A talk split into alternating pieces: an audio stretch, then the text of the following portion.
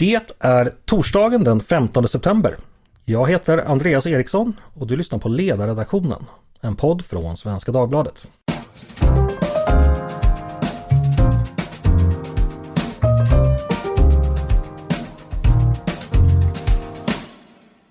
Varmt välkomna! Tidigt på eftermiddagen idag förklarade Centerpartiets eh, partiledare Annie Lööf att hon kommer avgå som just Centerpartiets partiledare. Det är ett beslut som vuxit fram, berättade hon på en pressträff. Hon har suttit i 11 år som partiledare och hon var inte nöjd med partiets valresultat i söndags. Vad innebär det här för partiet och för svensk politik i övrigt? Hur kommer vi att minnas Lövs partiledartid? Det är förstås ämnet i dagens podd och för att få kloka svar på de där frågorna har jag återigen kallat in mina kollegor under fanorna. Denna gång Mattias Svensson, Peter Wennblad och Paulina Neuding. Välkomna alla tre! Tack så bra! Eh, tänkte börja med dig Peter. Nu hörde vi hur Annie Lööf kort motiverade sin avgång. Att det så att säga är dels lång och trogen tjänst och dels att det har gått ganska dåligt. Tror du att det fanns andra skäl som hon inte nämnde? Eller var det helt enkelt den, den här kombinationen hon beskriver? Vad, hur bedömer du saken? Jag tror att eh, det var det som eh, hon sa. Eh, jag tror inte att det finns krafter i Centerpartiet som hade liksom kunnat mobiliserat för att fälla henne. Men samtidigt så tror jag att hon hade, hade det i åtanke i den bemärkelsen att alla parti, partiledare vill i någon mening liksom styra sitt eget eftermäle. Och då är det bättre att gå innan den liksom kritiken växer till sig. Mm.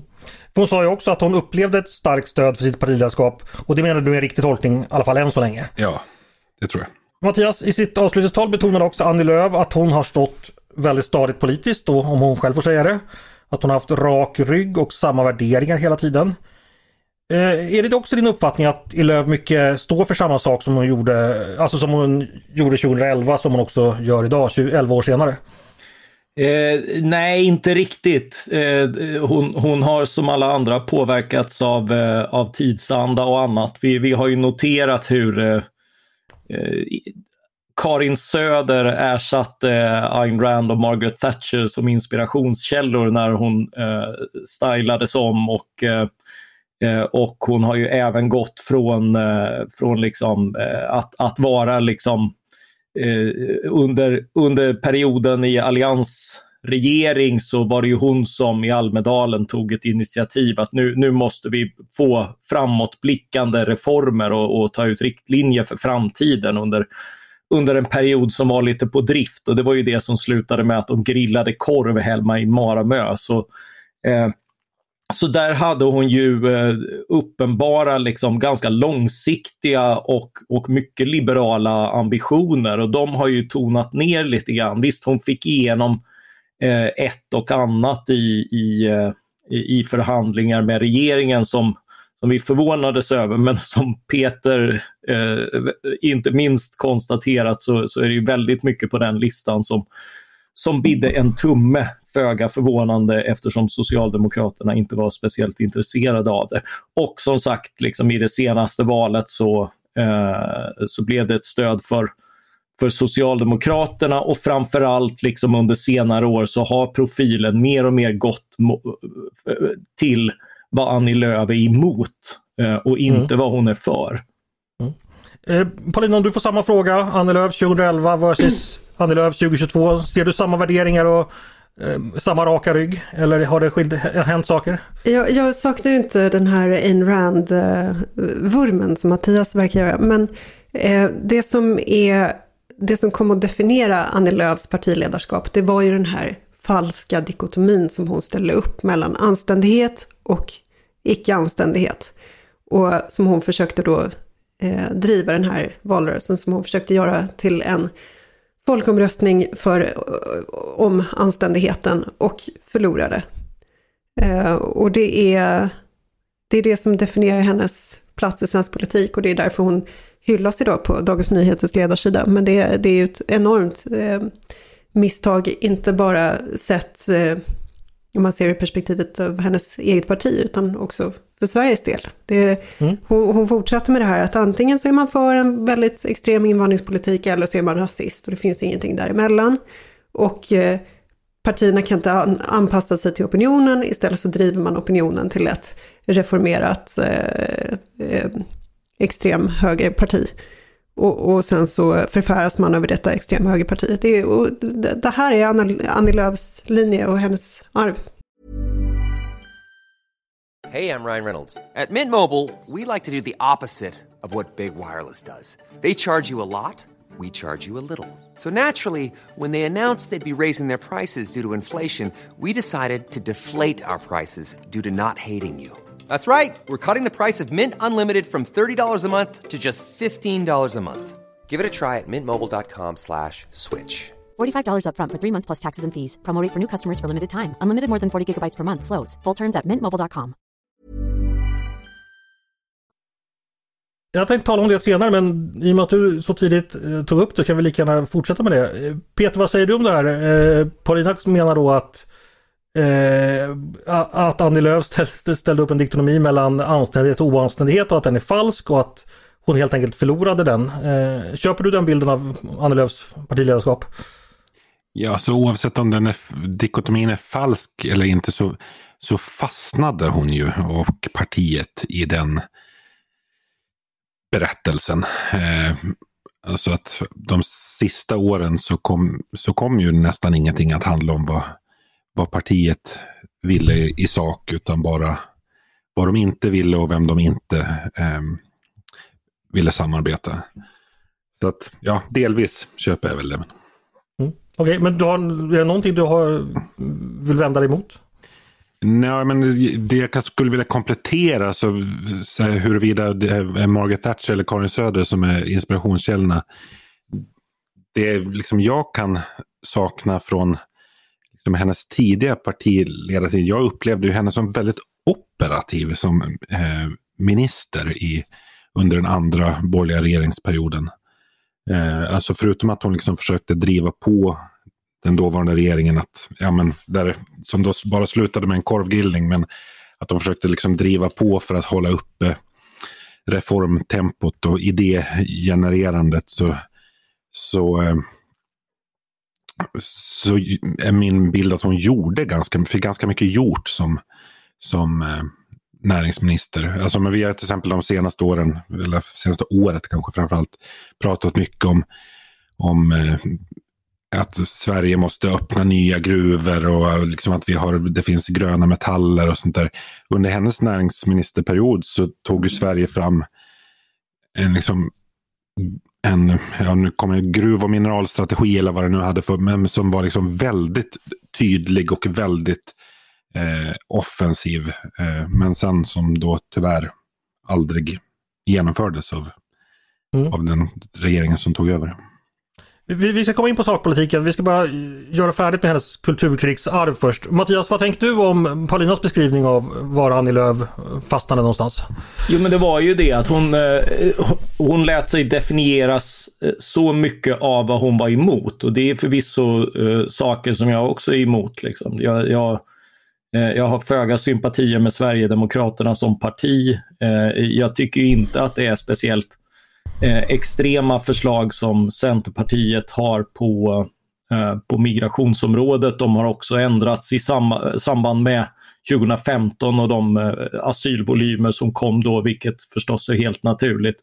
Eh, så det blir liksom, eh, och, det får ju skylla sig själv lite, det, det blir sådana enorma övertoner kring liksom förslag som sen, alltså de två partier som vill spara mest i på, på migrationsområdet är ju liksom, i alla fall för några år sedan, Centerpartiet och Sverigedemokraterna av, av olika skäl. Men jag menar, där, där, ligger, eh, där ligger en hel del förslag. Så, så eh, det här, hon, hon och Centern fixade inte det här att ta klivet över till liksom reformer, förslag, diskutera, sätta sig Eh, på, på det området. Eh, och, och, det, kan, det kan ju beklagas men, men det är ju den ambition som de övriga borgerliga partierna har nu. Mm. Men motståndet mot Sverigedemokraterna får man ändå säga, ja, det verkar ju definiera hennes gärning i många, och många beskriver det mm. som att det är något som är positivt. det är ett motstånd då som går ut på isolering av Sverigedemokraterna, man ska inte ha med dem att göra överhuvudtaget.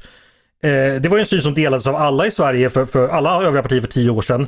Nu har i alla fall tre partier bytt fot, kanske kommer fler följa efter där. Eh, så att säga, Annie Lööf vill ju gärna få det till att alla som inte följde hennes strategi mot Sverigedemokraterna eh, inte var motståndare till Sverigedemokraterna eller kanske rent av anhängare till Sverigedemokraterna. Eh, kör, vad, vad, säger du, vad tänker du om den bilden som hon försökte? Lyckades hon få in den bilden och är den, är den rimlig? Alltså, ja, de som röstade på henne köpte ju den bilden. Uh, mm. och, och det var ju en besvikelse hur få det var. Uh, även om de, de tejpade över en del andra. Och uh, jag tror, alltså det är lite grann som migrationen var en gång i tiden. Det var ett irritationsmoment för många men definitivt inte den viktigaste frågan. Alltså jag tror det finns fortfarande väldigt många människor där ute som har starka reservationer för Sverigedemokraterna som parti och deras agenda. Eh, men, men jag menar, det är ju väldigt få som lägger sin röst utifrån eh, enbart vilket parti man, man är emot eller liksom nödvändigtvis köper att det om man nu är emot det här partiet så, så är liksom det, det man kan göra och liksom eh, eh, i princip göra, eh, sy ihop vilka koalitioner som helst med ideologiska motståndare och, och liksom försöka bygga på en samsyn som inte alls finns, vilket, vilket mm. blir ett väldigt konstigt bygge. Mm. Vi, vi lämnar eh, SD-frågorna. Jag tänkte gå vidare till dig Peter. Eh, Annie Lööf tog över ett parti som ett år tidigare fått 6,6 procent av väljarna. Hon lämnar ett parti som precis fått 6,7 procent. Mm. Alltså väljarmässigt så, ja det har ju svängt under tiden men det har inte hänt mycket mellan början och slut. Däremot kan man väl ifrågasätta huruvida det är samma väljare som de där 6,6 eller 6,7 procenten är. Och det är det väl kanske inte? Nej, det är det ju inte. Hon eh, hon hoppades få fler väljare men, men fick istället andra väljare. Ehm, mm. Hon satt ju som, hade ju som mål, när hon, det var väl i sitt installationstal som hon satte målet om 20 procent i valet 2022 eh, och så blev det inte. Mm. Nej men det syns ju tydligt i den här valkorvsundersökningen om man tittar i den, eller det har även synts i tidigare undersökningar hur, hur snabbt eh, Centerpartiets väljare har eh, eller väljarkår har förändrats i liksom sin identifikation, alltså huruvida de eh, definierar sig som höger eller vänster. Det har ju skett en väldigt snabb vänsterkantring. Den har ju även tagit sig andra uttryck. Det var väl, jag vet inte om det var SCB eller Demoskop som släppte här under våren, liksom vilken statsminister Centerpartiets väljare eh, föredrog. Och det var ju en liksom, massiv majoritet för eh, Magdalena Andersson trots att man i partiet rent sakpolitiskt står betydligt närmare Ulf Kristersson. Mm. Ja, för du Peter, du har ju både i text och i podden eh, kritiserat Centerpartiets strategi. Först för att den var ologisk helt enkelt och sen att när den sen ja, blev logisk så blev den fel. Ja, ologisk redan omöjlig. Ja, omöjlig och sen när den blev möjlig så blev den fel utifrån vårt eh, politiska perspektiv då. Ja. Eh, Annie Lööf har givetvis haft stor del i det vägvalet. Eh, hur stor del? Har hon varit helt avgörande tror du? Eller, hon betonar ju själv att hon hade haft sitt parti med sig. Men hur tänker du det styrkeförhållande Ja, men precis. Hon har haft sitt parti med sig men det är inte, det är inte partiet som har sagt till eh, henne vad hon ska göra. Jag, jag uppfattar det här som väldigt mycket Annie Lööfs politiska projekt. Mm.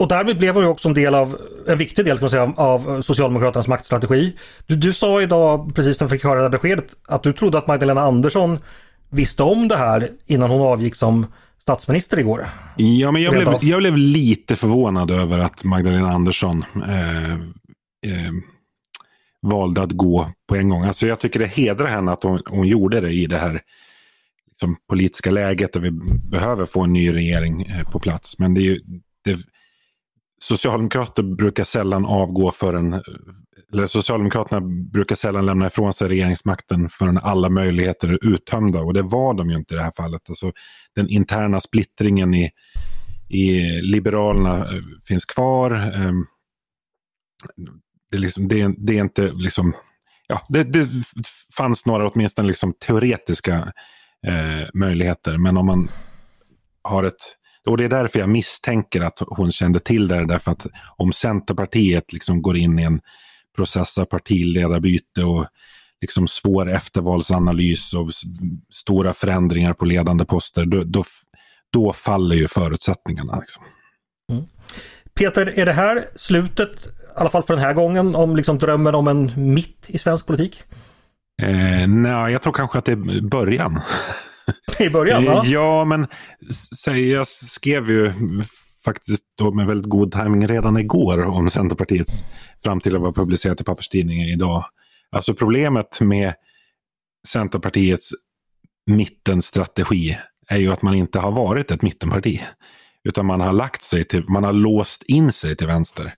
Alltså man inte, man an, I början av mandatperioden så, så använder man sin mittenposition och det är liksom den förhandlingsstyrkan som position ger på ett liksom skickligt sätt. Man fick Ulf Kristersson och, och utlova i stort sett vad som helst för att få bli statsminister. Och hon fick ju, Centerpartiet fick ju in en, liksom, flera tunga eh, reformer i januariöverenskommelsen, även om det redan då var ganska uppenbart att Socialdemokraterna hade inget som helst intresse av att genomföra dem. Men i och med att hon brände broarna sen eh, till borgerligheten så blev hon ju strandsatt liksom, hos socialdemokratin och hade, hade ju inget att sätta emot när Socialdemokraterna förhalade. Eller, eh, och, så att, det, det var ju svårt att säga så här, om inte ni gör som jag säger går jag till nazisterna istället. Det är liksom, Nej, det, det, det var ju det. Var ju, det, var ja, precis, det var ju det. De, de handlingsalternativ som hon hade, eh, liksom den, den verklighetsbeskrivning som hon målade upp, den följer också tillbaka på på henne själv och hennes egna eh, handlingsalternativ. Det är ju risken när man brutaliserar debatten på det sätt som Annie Lööf har gjort, nämligen att man det, det är ett, man sätter sig på ett tåg som är väldigt svårt att kliva av sen. Det går inte att säga skojade bara, ni var, ni var inte nazister, det var bara någonting jag sa. Så att, eh, som du säger Andreas, det går inte att säga då går jag till, till det fascistiska blocket istället. Eh, det går inte att eh, gå till sina gamla väljare och säga, ja men ni röstade fascistiskt förra gången, men den här gången kan ni väl rösta på oss. Alltså det är så mycket som förstörs i debatten när man eh, målar upp spöken på det där sättet. Man ska vara väldigt, väldigt försiktig med att göra det. Och jag menar, eh, en bisak i det här sammanhanget, men vi såg ju det i Magdalena Anderssons tal igår, när hon fortsatte och, försöka sätta bilden av att Sverige stod inför någonting som liknade ett fascistiskt övertagande, där det fanns en risk för våld inom det demokratiska systemet. Alltså, någonstans måste man ju ta ett steg tillbaka och fundera över vad, vad är det man håller på med? Vad är det för, för stämningar man försöker skapa i debatten? Ja, fast att socialdemokratin har, tänker vinna val på att vara emot SD, det har ju stått klart i tio år. Jag hade och, nu förlorade man, att... och, och, nu förlorade ja. man det här valet. Och så står mm. en avgående statsminister och varnar för hot, hat och våld. Eh, det är rätt, ja, ja, alltså, det är rätt farliga, liksom, man jonglerar med, med, med liksom, facklor här på ett sätt som är rätt farligt. Det har man ju gjort det hela tiden i och för sig. Men, men eh, jag tänkte vi ska vidare eh, till dig Mattias. Löv blev Centerpartiets andra uttalat liberala partiledare. Eh, lämnar hon ett parti bakom sig som är mer eller mindre liberalt än det var när hon började leda? Varför och varför inte? Eh, lite, lite både och. Eh, där, därför att, eh, och, och, det är ju talande för hur det är. Alltså det, det är väldigt få partiledare som får, som får välja sin agenda. Eh, Maud eh, Olofsson till exempel kom in som, eh, vilket få minns, hon var ju eh, en känd moderatätare från Norrland som valdes in av vänstersidan efter den borgerliga kandidaten eh, Lennart Daléus. Eh, mm. och, eh, och, och blev då tvungen att, att sträcka sig över och tillmötesgå den andra sidan av partiet, vilket är brukligt att man gör i alla partier utom Folkpartiet eh, när, när man vinner en, en fraktionsstrid. Och, eh, gjorde det med, med, så pass mycket själ och hjärta att hon kom att omfamna själv ett, ett liberalt reformprogram och det var också liksom vad som bubblade i ungdomsförbund där, där Fredrik Federley och Annie och andra eh, väx, växte fram och, eh, och inspirerades av, av liberala tankar och det blev liksom ett en bärande del i alliansbygget. Eh, under mm. Annis tid så har vi en mycket tydligare antiliberal trend Eh, och, och, vi har också liksom sett hur, eh, hur, hur hon har anammat en del av det tänka i, i det här liksom woke, eh, större tolerans för, eh, för liksom att, att, att eh, regera och hitta lösningar till vänster och sånt där. Liksom. Så, så eh, Eh, det, den politik hon var beredd att gå till val på, den hade ju, och, och, om hon hade suttit i en socialdemokratisk regering, det som hade överlevt är ju det som är Centerns kärna, alltså mer bidrag till till eh, regioner och bönder och, och närstående grupper. För det kan Socialdemokraterna alltid erbjuda. Och det var ju faktiskt, om man tittar de facto på, på alliansåren så var det mer det de utverkade i praktiken än, än långtgående liberala reformer. Men är det långa talets korta mening att Centerpartiet blev mindre liberalt under Annie Lööfs ledning? Ja, ja ironiskt nog, men, men de, har ju, eh, de har ju behållit väldigt mycket också i en, i en antiliberal tid. Så, så på det sättet så, eh, mm. så har de ju förblivit ett, eh, ett liberalt alternativ. Men då ska vi alltså hoppas på en riktig vänsterkandidat nu som kommer förföra partiet tillbaks till...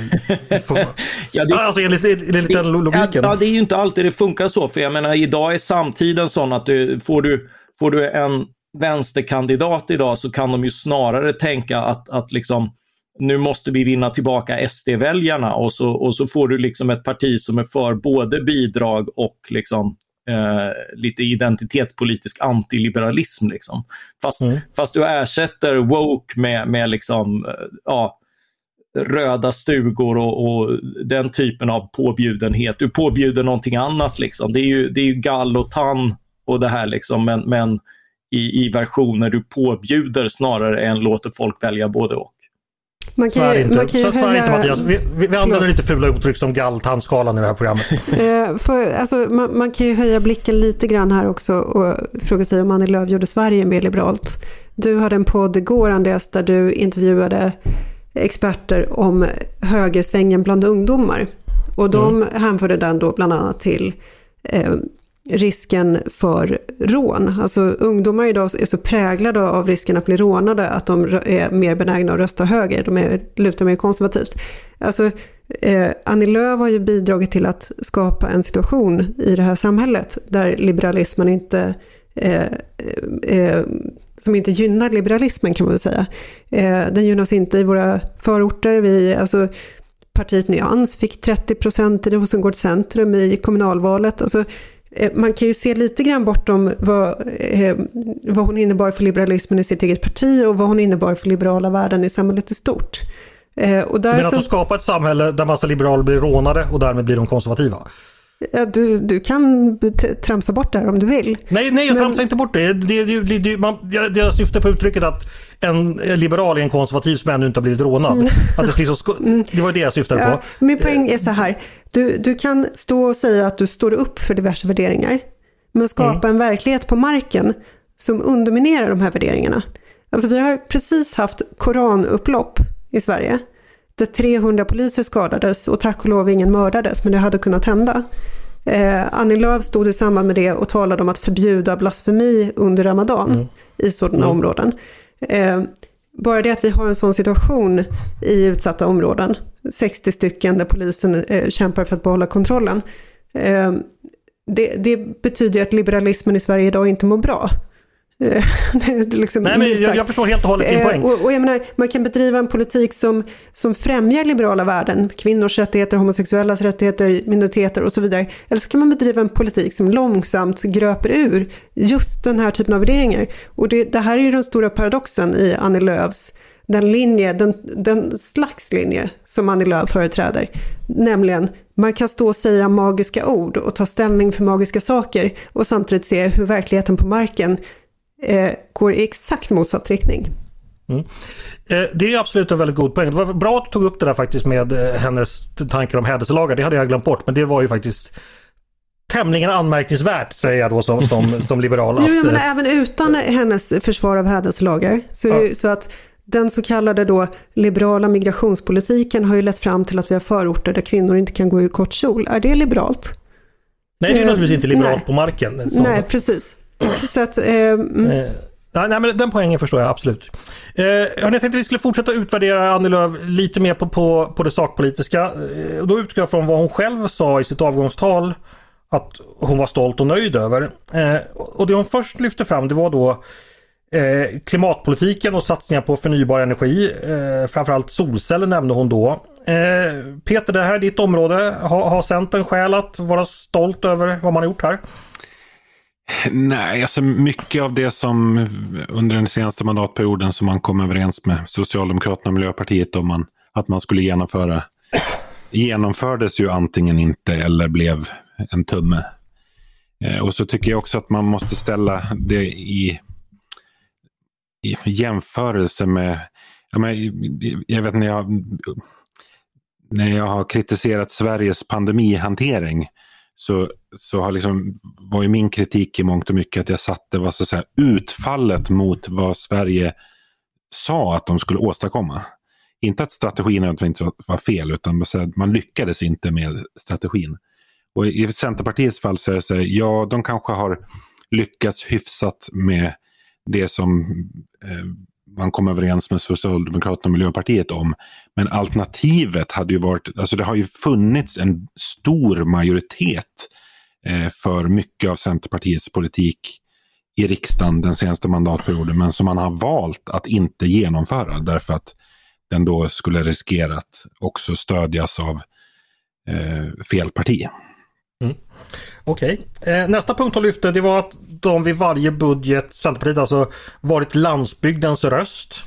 Och Mattias, det, det bekräftar väl du, men det är väl kanske inte något positivt för vår del? Eller vad tänker du? Det, det kan det ju absolut vara. Jag menar, ja. Centerpartiet har också värnat eh, äganderätt till skog, självbestämmande eh, och eh, skattelättnader och annat som, som är, är välbehövligt.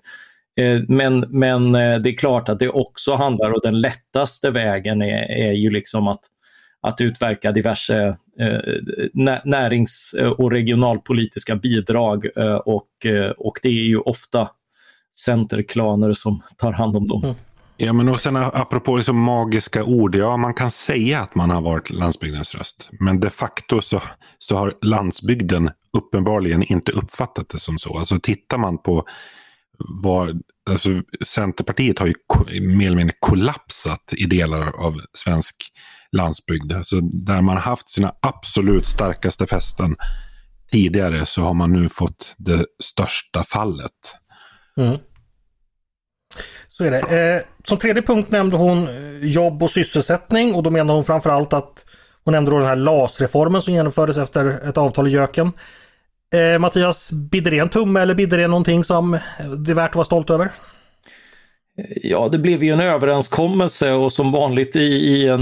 Eh, det har ju Caspian Rebinder förtjänstfullt redogjort för i ett tidigare podd, eh, poddinlägg om just eh, utvärderingen av JÖKen. Att, eh, en, enligt hans omdöme så, så blev det mest att man kom överens om saker som kostar för tredje part. Eh, och Eh, och, och eh, ja, han, han, är en större expert på arbetsmarknadsfrågor än vad jag är. Så, så låg, låg tyngdpunkten där så är frågan också i den, den frågan vad, vad som egentligen var vunnet. Mm. Och som ytterligare en punkt nämnde hon då jämställdheten och då lyfte hon framförallt kvinnors trygghet för man har jobbat med att stoppa våld mot kvinnor. Paulina, där tror jag du kanske inte håller med? Mm. Hon hade ju en affisch, eller Centerpartiet hade en affisch med Annie Lööf där det står män som slår ska inte komma undan. Och så skulle man ju kunna lägga till att eh, väldigt, väldigt många män som är eh, våldsamma har ju tyvärr kommit till Sverige med precis den migration som hon förespråkar. Eh, och jag menar, så ser statistiken ut. Och tillbaka till mag magiska ord, man kan stå och säga saker, men det är ju, det är ju hur, hur ens politik faller ut i verkligheten som är avgörande. When you're ready to pop the question, the last thing you want to do is second guess the ring. At Bluenile.com you can design a one-of-a-kind ring with the ease and convenience of shopping online. Choose your diamond and setting. When you find the one, you'll get it delivered right to your door. Go to Bluenile.com and use promo code LISTEN to get $50 off your purchase of $500 or more. That's code LISTEN at Bluenile.com for $50 off your purchase. Bluenile.com code LISTEN. Och sen då slutligen var Annie, nöjd, eh, Annie Lööf nöjd med eh, att Centerpartiet har stått för samarbete och långsiktighet. Hon lyfte upp då en mängd överenskommelser om försvaret, pensioner, energi och då förstås också januariavtalet eller januariöverenskommelsen. Och januariöverenskommelsen är väl liksom mycket av det stora eh, sakpolitiska under den senaste mandatperioden. Som Mattias sa så utvärderade vi det i en tidigare podd. Det slutade med att Socialdemokraterna som medverkade var, var nöjd och de två Liberalerna som medverkade var mindre nöjda. Och det tror jag är ett eftermäle som kommer, kommer stå sig. En fråga här bara, för om man ska liksom eh, ge, ge Annie Lööf beröm för att hon har hållit Socialdemokraterna på mattan under de här åtta åren av socialdemokratiskt styre. Som faktiskt inte, ja säger jag, det får ni väl protestera, inte har inneburit den vänstersväng som man kanske kunde ha fruktat från en socialdemokratisk regering. Eh, skulle ni köpa den bilden, Peter? Ja, nej, det skulle jag inte göra. Alltså, det har inte funnits en majoritet för en, en, en uh, vänstersväng i, i riksdagen. Det är ju liksom den grundläggande förklaringen. Inte Centerpar att Centerpartiet har hållit emot. Mm. Fast, fast, det är ju ändå Centern som har varit en, tungan på vågen i den majoriteten. Uh, så på det sättet får man väl ändå ge dem. De har ju inte Eh, Eh, de, de, har ju på det sättet inte, inte gått med, inte låtit sig förhandlas bort till liksom mycket av den radikala vänsterpolitik som, som Socialdemokraterna skissat på, som till exempel Magdalena Andersson tyckte att det var, det var smart att eh, att fresta den, den eh, interna, ap apropå böja sig över till andra sidan, det var ju hennes köttben till till eh, vänstersidan av socialdemokratin för att en tidigare finansminister skulle få, få bli partiordförande. Den här rapporten om ökad jämlikhet där Socialdemokraterna ville tillbaka till 1980. Mm. Uh, och, och där är vi ju nu med hög inflation och krisande ekonomi. Uh, men Eh, Eh, men, men eh, där skissades ju en massa skattehöjningar och så och, eh, och det är klart, det var, det var delvis motreaktionen i opinionen, men det är klart att om Socialdemokraterna fått bestämma så, så hade det kommit ett antal reformer som, nu, som vi nu slapp och, och skattetrycket har inte höjts mer än några tiondelar sedan alliansperioden och de sänkte skatterna, vilket, vilket de är unika över. Mm. Mm. Faktiskt. Ett annat sätt att hålla Socialdemokraterna på mattan hade ju kunnat vara att rösta för en borgerlig regering. Mm. ja, du, nu tycker jag att du förenklar. Mm. eh, hörni, eh, en uppmärksammad del i, i ja, avskedstalet, om man ska kalla det, eh, det var ju att Annie Lööf beskriver eh, att hon har känt en lättnad nu efter valet av att det inte har kommit till skada. Alltså rent fysiskt. Och bakgrund, det är förstås då att mördaren från Almedalsveckan i Visby Eh, där är ju också Annie Lööf målsägare då som eh, ja, ett tilltänkt mål för honom helt enkelt. Det är ju någonting som många, alltså jag såg på sociala medier, lyfter fram det här enorma personliga priset som politiker idag riskerar att betala och alltså att man helt enkelt känner att jag är politiker men, men jag gör det också med risk för att bli skadad. Eh, vad, vad, ska man eh, tänka om det? Eh, kan det rent ha varit en del av hennes beslut? Vad tror du Peter? Det måste ha varit Alltså ingen människa kan liksom i längden stå ut med att leva under ett, eh, ett sånt tryck. Och det sa hon ju det sa hon ju själv att de här tankarna började ju röra sig redan under föregående mandatperiod på att liksom den här mandatperioden skulle bli eh, den sista. Hon har ju beskrivit den här senaste mandatperioden av inte minst regeringsbildningsprocessen 2018 som liksom oerhört tuff. Så att, alltså den stör, jag tycker ju att Annie Lööf rent strategiskt och sakpolitiskt har gjort mycket fel. Men liksom den största respekt för att hon har orkat både stå upp och liksom driva vidare i det hon tror på trots liksom det pris som det har eh, inneburit. Alltså, hon, hade, hon har ju hon hade ju kunnat anpassa sig till, valt att anpassa sig till det utan att säga, byta position så hade hon ju ändå kunnat tona ner sig. Men det har hon inte gjort och det tycker jag det får man, det får man mm. ha respekt för. Ja, hade hon gjort alltså, det så hade det ju mm. inneburit mm. att helt enkelt våldsverkan och hot hade fått påverka politiken och det hade ju varit... Ja. Det hade ju, Nej, ja. men fram, liksom inte minst i hennes privata eh, situation med liksom ja nu vet jag inte riktigt hur, men hon har inte, hennes barn är ju inte så himla stora och så, ja, jag, jag, det övergår mitt förstånd att man orkar. Alltså. Paulina, vad skulle du säga? Jo, men att vi sitter här och tycker och kritiserar Annie Lööfs politiska linje och hennes, det jobb hon gjorde som partiledare, det är ju en del av det demokratiska samtalet. Men det är ju någonting helt väsensskilt från det här äh, att förstå och respektera den här fruktansvärda situationen hon har befunnit sig i.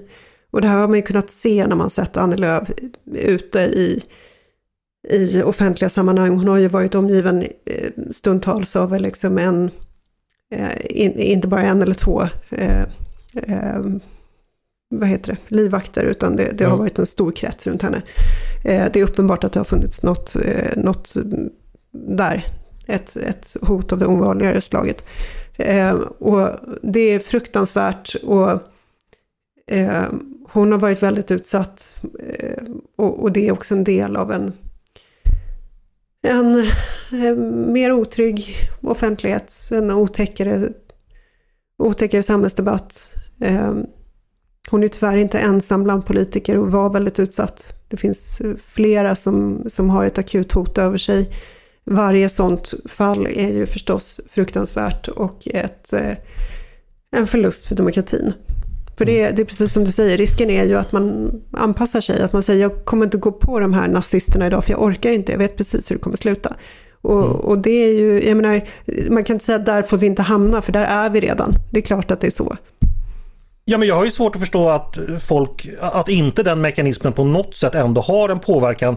Kanske inte så att man helt slutar med att angripa, men man kanske väljer att inte göra det just idag eller just lika ofta eller just på samma sätt. Mm, tänker jag, alltså för att nej, vi är inte mer än människor. Nej, och det behöver inte, det behöver inte ens handla om liksom, politiska utspel eller liksom, politiska markeringar. Alltså, Annie har ju varit väldigt aktiv i sociala medier. Bara vetskapen om att så här, vad jag än gör i sociala medier, om det så är småputtrigt eller handlar om politik, så kommer liksom 90 procent av mitt kommentarsfält bestå av hån och gliringar och liksom nedsättande kommentarer. Alltså jag tror och hoppas att hon inte läser dem där, eller har läst dem där, men bara vetskapen om att det är så. Alltså det är klart att det gröper ur en människa till slut. Ja, precis. Det, det måste ju rimligtvis vara så. Eh, hörni, eller Paulina, vill du säga något ytterligare där? Nej, men det är extremt starka mekanismer. Både alltså det här att hon lever under hot, det är ju en särskild sak, men också det Peter nämner, alltså att det här att vara föremål för eh, kampanjer med, med, människor som går på en med, med, på det sättet, det är otroligt, otroligt prövande för människan. Mm. Det, det, går liksom emot våra mest grundläggande instinkter, så det är klart att man orkar inte det hur länge som helst. Det, det är ju också alltså summan av, alltså det, det, finns ju, eh, man, man, ska hålla isär, eh, det är definitivt olika saker att, att hota. Eh, att att va, eh, ha någon form av beredskap att använda våld och, och, där har vi liksom det här högerextrema som vid sidan av vänsterextrema och, och islamister utgör dödliga hot mot, mot människor som, som misshagar dem.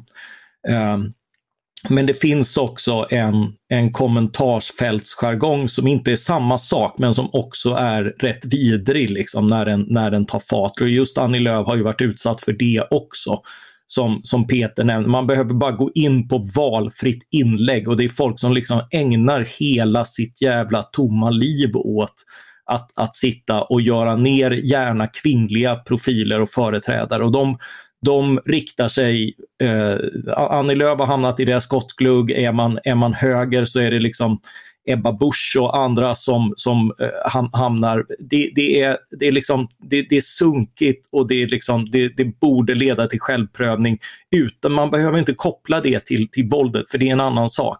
Men, men det är i sig ett, eh, ett, ett problem i, i hur vi uttrycker oss och sånt där som, som behöver tas tag i och, så, och som man gärna får ta tillfället i akt att, att markera mot. Mm.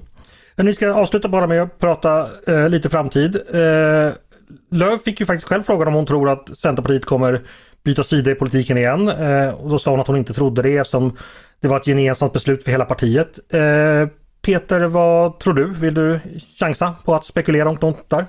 Jag tror inte att de kommer eh, byta sida, men jag tror att partiet kommer göra det eh, som de eh, har sagt att de ska göra. Alltså, det vill säga på riktigt stå i mitten.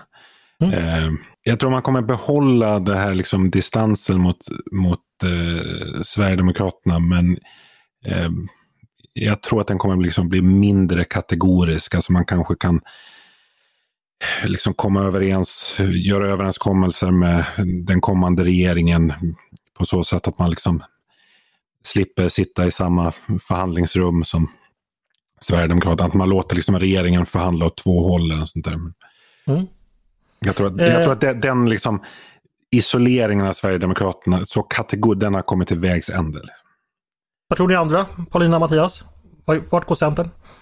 Jag tror ju något liknande, att, eh, att, att det mm. liksom blir en, en uppmjukning i den här ensidiga hållningen utan att man liksom börjar omvärdera vad man har Sverigedemokraterna som parti. För det är, de, det är olika partier med olika agenda och sånt där. Liksom, utan att, eh, men att det blir en mer proaktiv strategi där man driver sina egna frågor, det, det tror jag är, ligger i, i korten. Och sen, sen får man se vilka frågor det blir. Men men det var ju, jag, jag, tror att lärdomen är från den här valrörelsen att, att man kan inte bygga någonting stadigt, varaktigt förtroende på, på att bara vara emot.